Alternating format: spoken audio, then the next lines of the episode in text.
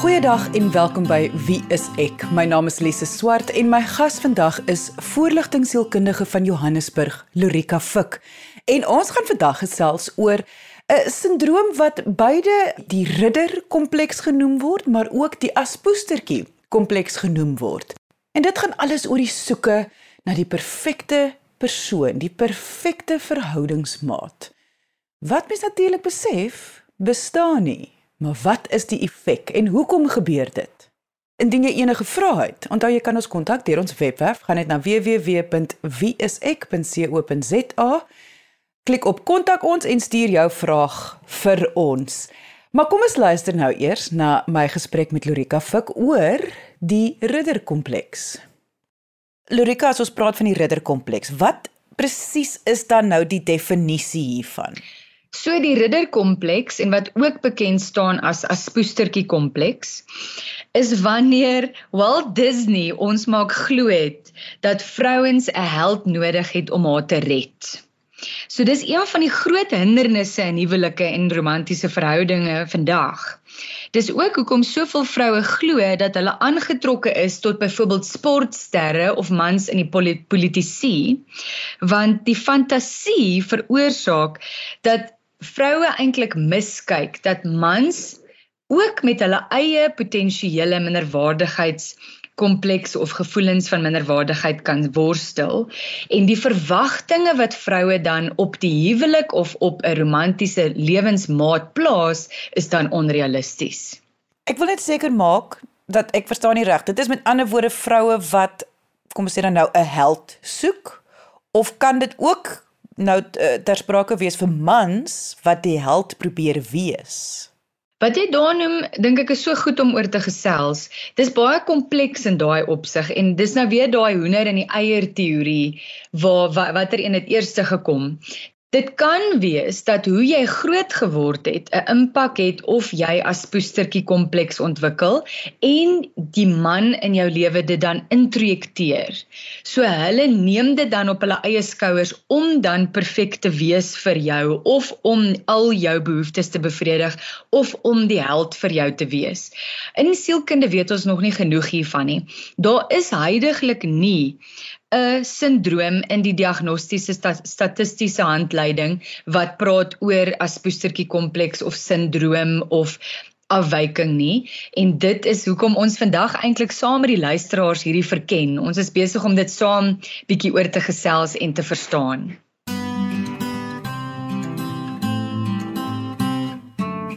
Dit voel wel vir my. Dit is nie net Disney wat dit vir ons veroorsaak het nie. Ek sit en dink nou aan iets soos um Gone with the Wind waar sy ook die hele tyd gemik het vir die sterkste man en sy wil die held hê en en en sy kon nie raak sien die die man wat regtig lief is vir haar nie want haar fokus is die hele tyd op die verkeerde man want sy sien hom as die held die man wat haar gaan red. So dit voel vir my hierdie kom eintlik al 'n hele lang pad saam Dit kom so lank pad saam en dit is hoekom ek net nou verwys het na hoe iemand groot geword het, hoe 'n vrou groot geword het. Daar's twee groot belangrike komponente wat 'n rol speel hierson. Die ene is die ouerskapstyl wat haar ouers gebruik het om haar groot te maak en ek gaan nou baie vlugtig net oor drie van hulle gesels. En die ander ding is die gehegtheidstyl wat daai vrou as baba en as Peter en Kleuter met haar ma en haar pa gehad het en ek gaan ook vlugtig oor twee van hulle gesels.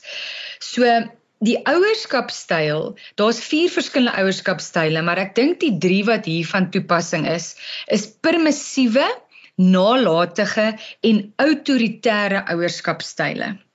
So die ouerskapstyle wil ek net baie vinnig oor gesels. Die rede hoekom hierdie 'n rol speel hierop is wanneer 'n ouer nie as 'n held opgetree het vir 'n kind nie en nodige grense gestel het nie, dan soek daai kind dit dan vir die res van hulle lewe totdat dit bevredig word. Freud het gepraat van repetition compulsion. Ek het al vlugtig in vorige gesprekke daaroor gesels.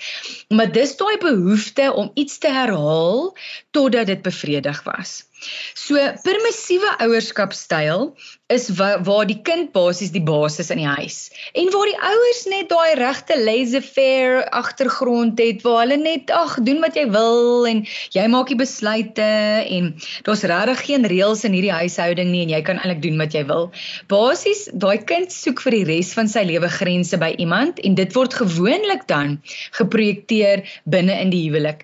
So die huwelik is die broeiplek of die broeispasie dan vir daai persoon se onvervulde behoeftes as kind. So terloops, dis hoekom ek altyd vir vir paartjies sê, dis vreeslik belangrik om eers te gaan vir uh, huwelikberading voordat jy net 'n egskeiding op die tafel sit. Want dis moontlik om al daai goeders mee te werk. Dis moontlik om daai éventueel van sin te maak. OK, so dis permissiewe ouerskapstyl. Dan het ons jou nalatige ouerskapstyl. Dit word volgens die diagnostiese en statistiese handleiding gesien as kindermishandeling so terloops, maar ter terwille van vandag gaan ons net daaroor praat. Dis wanneer ouers net dood eenvoudig nie betrokke is in hulle kinders se lewens nie. Hulle is so gefokus op hulle eie doen en late en hulle eie dinge en waar daar baie min liefde en sorg gegee word in daai huishouding. Daai daai vrou wat uit so 'n huishouding groot geword het, soek tipies dan die man wat daai behoeftes aan haar kan bevredig. En dan die derde ene is die autoritaire uh, ouerskapstyl waar die ouers eintlik baie baie streng is en geweldig krities is. Jy sien tipies daai ma of pa wat soos die huis soos 'n generaal hanteer. Dis asof ons in die militêre in die militêre diens is in daai huishoudings. Daar's verskriklik min liefde. Daar's nie empatie nie. Kinders word tipies gesien en glad nie gehoor nie. Hulle behoeftes moet net bevredig word en die kind moet dit net aanvaar soos dit is. En daai tipe ouerskapstyle veroorsaak dat die kind ook nie 'n stem het nie. Vroue ontwikkel dan die vrees van onafhanklikheid en 'n onbewustelike begeerte om deur iemand anders versorg te word. So jy kan nou dink, iemand wat daai tipe ouerskapstyle gehad het in hulle lewe, hulle is, die hele tyd op soek na iets. Daar's die hele tyd hierdie soeke na na iets meer, na daai liefde, na daai verteenwoordigheid van liefde, van die omgee. En dan die ander twee goed waar ons net moet praat is dan die onseker en angstige gehegtheid. Dis basies waar 'n kind nie weet waar hulle met hulle ouers staan nie. Dis waar 'n ma of 'n pa nie daai fokus plaas op die gehegtheid met die kind nie waar hulle heeltemal te gefokus op is op hulle eie dinge in die lewe en waar die kind regtig voel hulle is konstant op soek na iets. In die sielkunde praat ons baie van die gehegtheidstyle en die ouerskapstyle. Hulle hou vreeslik baie verband met mekaar. En die effek van dit is dan waar 'n vrou verwag word om mooi te wees, grasieus of beleefd te wees waar sy ondersteunend moet wees aan haar man, waar sy hardwerkend en onafhanklik en verguis deur die vrouens van haar samelewing is, maar sy's nie in staat om haar situasies met haar eie te verander nie of op haar eie te verander nie. Hierdie verskynsel of sindroom word dan veral betekenisvol met betrekking tot die vraag waarom vroue kan kies om in disfunksionele verhoudings te bly. Jy luister na Wie is ek op RSG.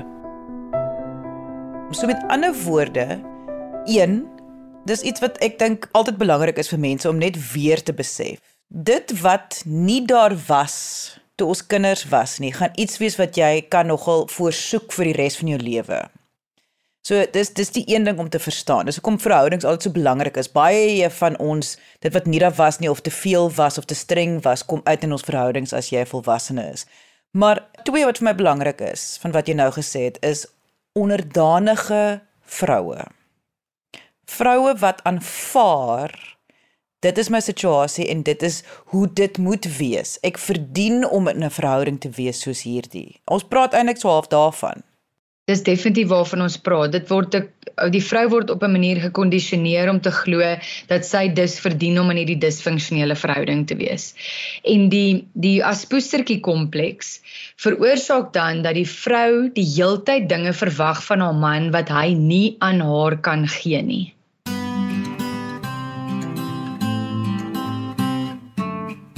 Dis dit is baie moeilik, dit is kompleks want ek bedoel dit is dit nou onregverdig teenoor die man of is dit onregverdig onregverdig teenoor haarself? Ja, dis absoluut onregverdig op albei partye. Ek wil net ietsie duidelik maak. So hierdie sindroom of kompleks vind plaas op 'n hele spektrum. Want wat opeindig om te gebeur, wat ek nou tot dusver bespreek het, wil ek amper sê is die patologiese kant van die spektrum. Maar ek wil ook ode gee aan die ander kant van die spektrum waar vrouens wat eintlik uit 'n baie gesonde huishouding uitgekom het, wat baie liefdevolle ouers gehad het, wat betrokke was in haar lewe, kan wel weens die stories wat sy na gekyk het as kind of weens op gesprekke met maatjies of 'n trauma dalk um, omdat sy geboelie was op skool, kan daai fantasie ontwikkel dat 'n man haar op 'n psigiese vlak moet red. En wat dan opeindig om te gebeur, is jy sit met 'n situasie waar die man kan net nooit iets reg doen nie. En die vrou is geweldig krities op alles wat hy doen. En op die ouende van die dag is dit net omdat sy 'n onrealistiese verwagting daar gestel het op haar man. Ek sien dit so baie in die samelewing waar vrouens net skielik wil sê nee, hierdie huwelik werk nie meer vir my nie. Ek wil asseblief 'n egskeiding hê, maar hulle kyk nie na hulle rol ook en wat hulle verwag van die man in die huwelik nie. Lorika kan hierdie ook 'n reaksie wees op kyk daar's baie ouers wat ek wil amper sê die perfekte prentjie voorgee Um en die pa is perfek en die pa het al die regte dinge wat hy sê en hy wys deel dit liefde vir die ma en so maar tog is dit nie die waarheid nie want niemand is perfek nie. En dan die vrou wat dan soek vir die ewige soek tog na die perfekte man soos haar pa. Val hierdie ook in daai kategorie? Dit het nou weer te doen met die gehegtheidstyle wat die ouers geïmploieer het tydens die kind se grootword proses. Wanneer jy 'n spesifieke gehegtheidstyl het, dan projekteer jy dit op jou lewensmaat. En hierdie tipe van goed kan mense oor gaan oplees. Die luisteraars het nie noodwendig nodig om 'n sielkundige te gaan sien daarmee nie. Dit help baie om net met iemand daaroor wat kennis dra daaroor te kan gaan gesels. Maar jy sal altyd vind dat iemand met met 'n eggenoot getrou het weens hulle geskiedenis. Niemand trou te vergeefs net met enigiemand nie. Niemand trou toevallig net met enigiemand nie. Daar's baie diep onderliggende onbewuste prosesse wat plaasvind. En wat jy daar sê, dit kan wees. Dit kan wees dat dit is omdat haar pa so was, maar dit kan ook wees dat omdat haar pa perfeksionis was, dat sy éventueel glo, maar ek is nie goed genoeg nie. En wat gebeur dan? Dan soek sy 'n man wat haar kan red. Dit kan wees dat haar ma ook as poestertjie kompleks gehad het en die pa, die perfekte pa, die ridder op die wit perd, gaan vir mamma kom red, dus moet ek 'n man kry wat my kom red. Die hoeveelheid regverdiging wat hier gaan plaasvind in 'n persoon se kop van hoekom sy hierdie man gekies het en hy was perfek of hy was aanvanklik perfek of wat ook al, maar die hoeveelheid regverdiging dat 'n persoon gaan baie moeilik agterkom dat hulle in hierdie kategorie val. Ja, ek dink een van die vrae wat wat iemand hulle self kan afvra is is ek permanent of konstant ontevrede met hoe my man optree? En die vraag is dan Watse werk kan ek binne in myself doen?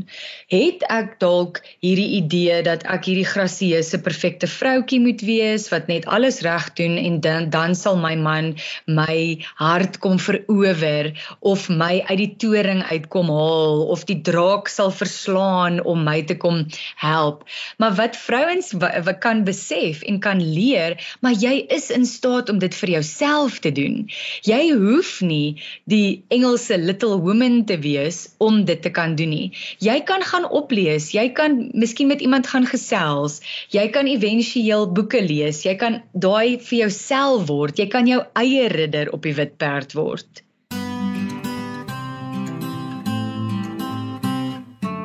Malorike, jy verstaan.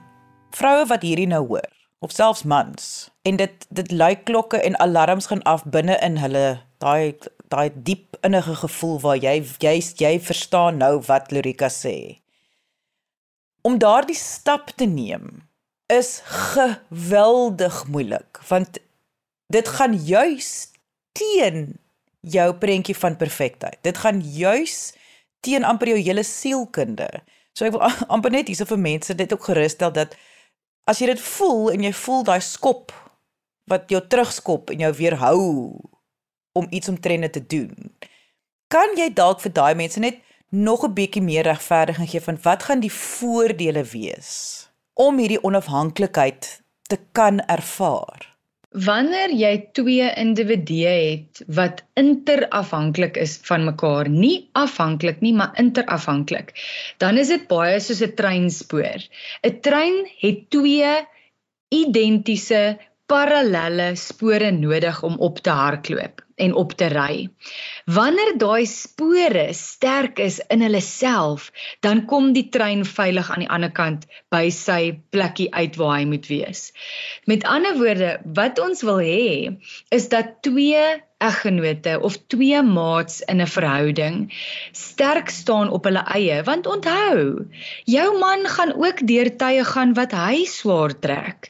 Dan kan jy daar wees vir hom en in die tye wat dit vir jou swaar is kan hy weer daar wees vir jou.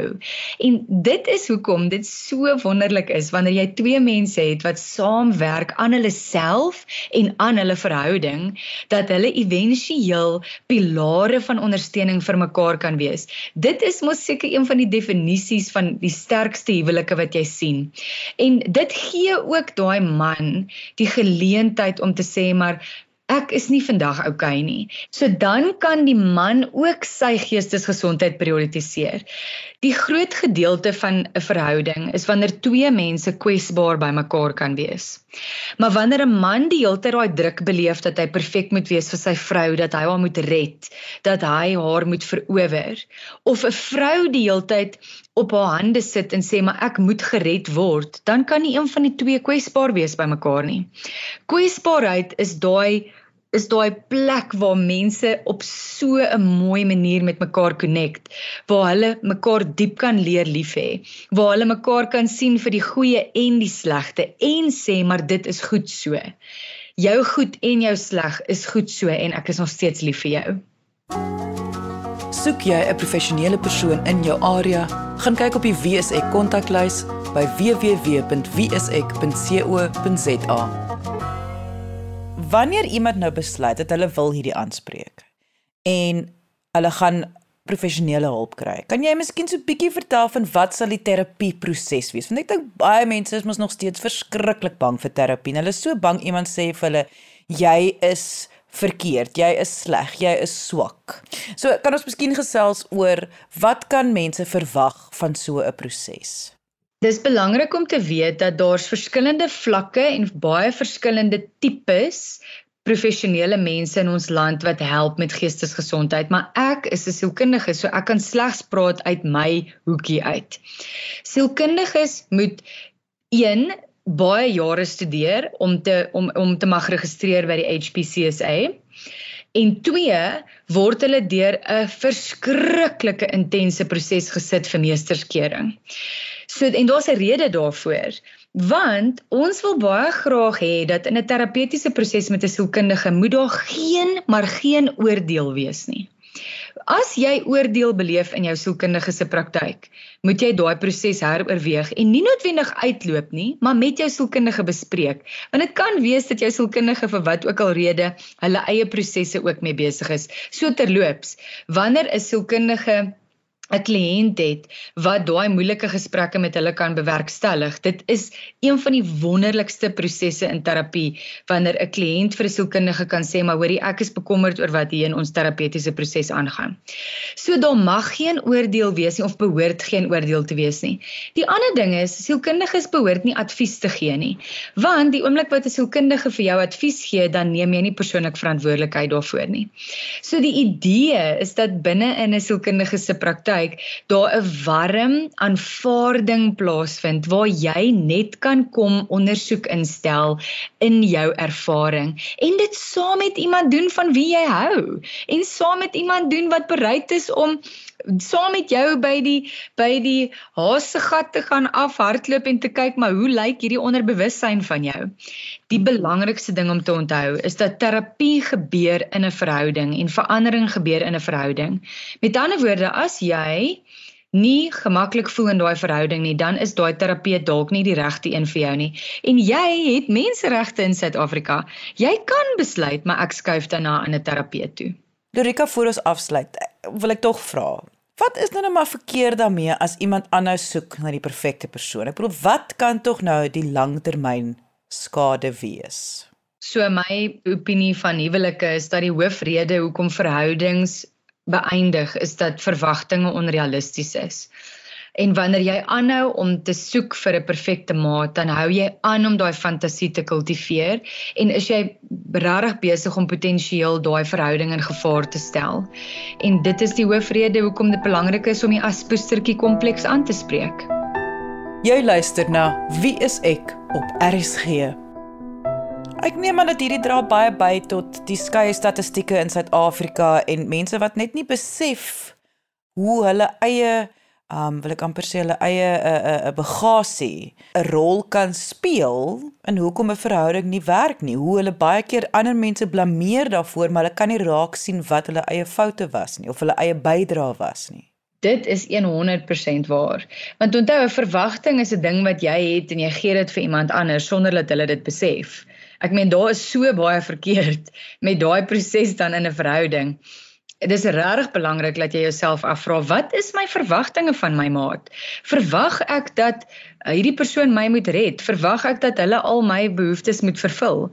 En die wonderlike ding is dat jy het daai agentskap om baie van daai goed self vir jouself te doen. En dit was voorligtingsielkundige van Johannesburg, Lorika Fik. Indien jy enige vrae het oor vandag se onderwerp of net jou storie met ons wil deel, kan jy ons kontak deur ons webwerf gaan na www.wieisek.co.za of kom gesels saam op ons Facebookblad onder wieiseksa. Onthou, jy kan ook die potgooi van vandag se episode gaan luister op RSG se webwerf en ons vra ook dat jy hierdie gesprek deel met ander mense want mens weet nooit wie het nodig om hierdie te hoor nie. Dankie dat jy vandag ingeskakel het. Ons maak weer so volgende Vrydag 0.30 net hier op RSG. Jy moet 'n heerlike naweek hê en onthou, kyk mooi na jouself.